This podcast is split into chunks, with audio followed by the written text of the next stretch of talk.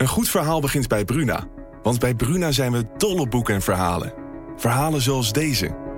De slagen van de noodklok dreunen over het dorp. Zwaar en dreigend. Ze overstemmen de gemoedelijke drukte op de markt. En alle handelingen vallen stil. Wat zou er aan de hand zijn? vraagt Oda ongerust. Wil jij weten hoe dit afloopt? Je leest het in Bloedlijn van Simone van der Vlucht.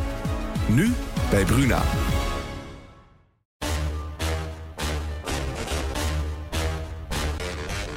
Dit is Strik Privé. De dagelijkse showbiz-update met Evert Zandgoeds en Jordi Versteegde. Op uh, niet alleen privéday, maar ook de dag nadat Thijs Reumer heeft besloten in hoger beroep te gaan, Evert. Ja, jij zag dat toch al een beetje aankomen, geloof ik, hè? Nou ja, hij heeft weinig te verliezen, heb ik gisteren gezegd. En uh, kijk, hij bereikt er in ieder geval mee dat hij niet onmiddellijk hoeft te gaan zitten natuurlijk. Dus dat is het eerste gewonnen. Ja. Maar hoe het gaat aflopen en of dat gunstig voor hem gaat uitpakken, dat is nog eventjes de vraag. En je ziet dat het OM ook in hoger beroep gegaan is. En de aanklacht nog wat verzwaard heeft. Want ze willen toch echt dat hij ook vervolgd gaat worden voor het verspreiden van die dikpik. Ja. Als dat er allemaal bij komt, dan denk ik dat spijt die hij nu uitspreekt een beetje te laat gaat komen. Al zal je zien dat zijn proceshouding de volgende keer totaal anders is dan, uh, dan deze keer. Ja, hij heeft uh, gisteren eigenlijk voor het eerst wat uitgebreider hè, na die rechtszaak gereageerd via zijn advocaat. En jij zegt het al, hij neemt dan toch inderdaad een beetje een andere houding aan. Hè? Van, ja, nou, het woord spijt is voor het eerst gevallen. En ja. daarvan was iedereen verbijsterd dat hij daar eh, de vorige keer niet op ingehaakt heeft. Want dat komt altijd heel sympathiek over bij een rechter. Maar daar was de vorige keer geen sprake van door het hoge beroep zou je zeggen van nou, dan heeft er nog geen spijt van allemaal. Dus daarom moest dat eventjes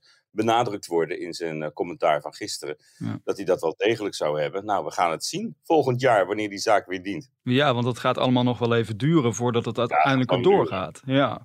Nou ja, het is niet... Nee, voor alles en iedereen, voor de slachtoffers ook. En ook voor zijn uh, directe familie, laten we daar niet omheen draaien.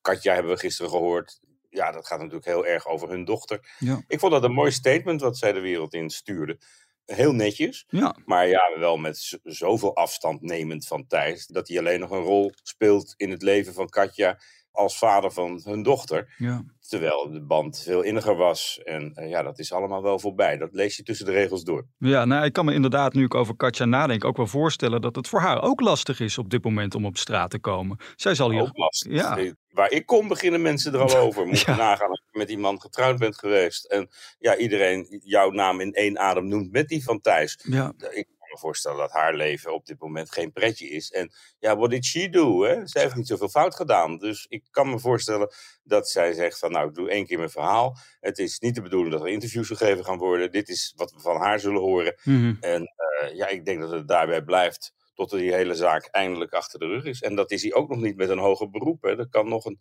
cassatie komen ook zelfs. Tja, dus verwacht jij dat Iconé de Jong ook nog met zo'n soort statement naar buiten gaat komen?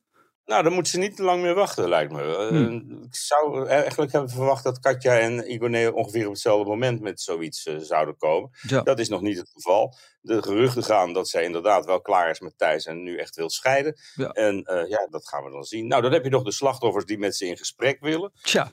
Dat vind ik ook wel iets. Uh, waarom zou je dat doen als Igone als, of als Katja? Mm -hmm. Ik zou dan echt innerlijk zeggen van nou, dat zien we wel als echt alles achter de rug is. Mm -hmm. En tot die tijd ieder voor zich. En moet je maar afwachten wanneer, uh, wanneer dat hoger beroep gaat dienen. We gaan uh, naar nieuws vers van de drukpers, om het uh, zo maar even te zeggen. Want er komt eigenlijk wederom een boek aan over de Meilandjes, maar niet geschreven door henzelf, geloof ik, hè? Nee, door Valerie Lampereur, een buitengewoon omstreden journaliste, die uh, bij alle roddelbladen wel gewerkt heeft, maar daar niet de handhaven was. En zij heeft uh, heel goed contact gehad met de Meilandjes, want het was op een gegeven moment zelfs hun manager in de tijd van het Franse kasteel. Hm. Zij heeft contact gezocht en gekregen, gevonden met de vorige huishoudster. Ja. Nou, die staat ook pontificaal op de voorpagina, Carolien. Ja. En ik weet niet of zij genoeg heeft meegemaakt om daar een heel verhaal over te schrijven. Maar ja, dan heb je Valerie Lampereur, die er wel een heel boek van maakt. Google er maar eens, dan kom je wel eens het een en ander tegen. En uh, ja, dat boek moet in september al verschijnen. Ja. En het zal in Noordwijk als een bom inslaan dat het er gaat komen. Maar ja, het is de, de Meilandjes belicht vanuit een andere hoek. En wat daaruit gaat komen. Martien heeft al aangekondigd er niet op te gaan reageren. Mm. Jan Dijkgraaf, de schrijver van de Meiland-trilogie, die heb jij uh, gesproken, Ja, die uh, zegt van ja, ik snap wel dat Caroline toch nog wat geld probeert te verdienen aan haar periode in Frankrijk. Een onderhandse sneer. Ja, en ik vroeg hem nog even van ja, die cover van dat boek van Caroline, uh, die lijkt wel heel veel op de boeken van Martien en van Erika.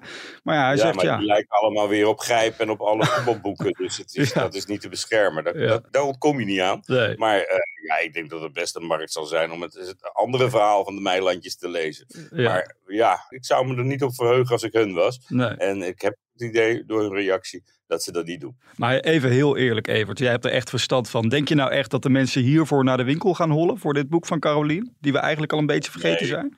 Ik denk dat de mensen wel genoeg hebben aan de krenten die wij uit de pap eh, gaan halen tegen die tijd. En Ja. als je dat verhaal al gelezen hebt in, in de bladen, of in privé in het bijzonder, Ja. dan denk ik dat je daar wel genoeg aan hebt. Want ja, wie wil er nou vier boeken over de Meilandjes in zijn kast hebben staan? Tja, toch heel even tot slot hierover. Ik zat gisteravond eh, natuurlijk wederom naar Vandaag een site te kijken. Toen zei Wilfred Gené dat er ja, pikant nieuws over Martien Meiland aan zou komen. Nou ja, dat kan natuurlijk dit boek zijn dat vandaag is Ja, dat, aangekondigd. dat kan geen toeval zijn, toch? Eh, Nee, ehm, ik heb daarover eh, met Erika nog even gesproken vanochtend. Die zegt, wij weten van niets verder hierover. Dus, nou ja, goed. Eh, ik ga er nu vanuit dat dat over dit boek gaat... wat trouwens begin oktober in de winkel moet liggen. Kan niet wachten. nou, maar eerst rollen we straks nog even voor de privé. Nou, over de privé gesproken. Het is gewoon privé-day natuurlijk. Nou ja, gewoon. Zo gewoon is dat niet. Gewoon bijzonder. En Frans Bauer staat erin, hè? Geloof ik.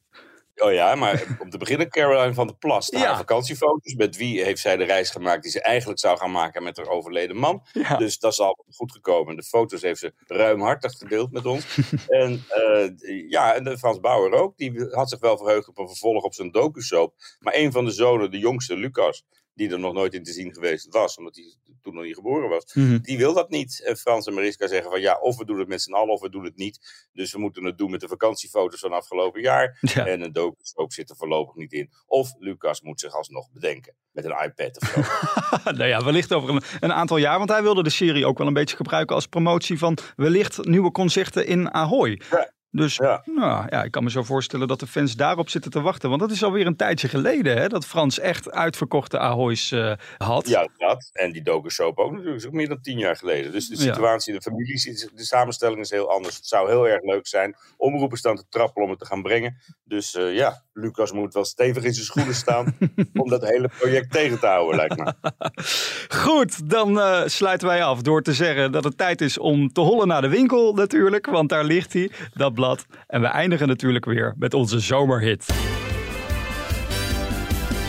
De zon schijnt bij Evert Zantegoed. Met Jordi aan zijn zij. Want het is zomer. Maar dat strikt privé.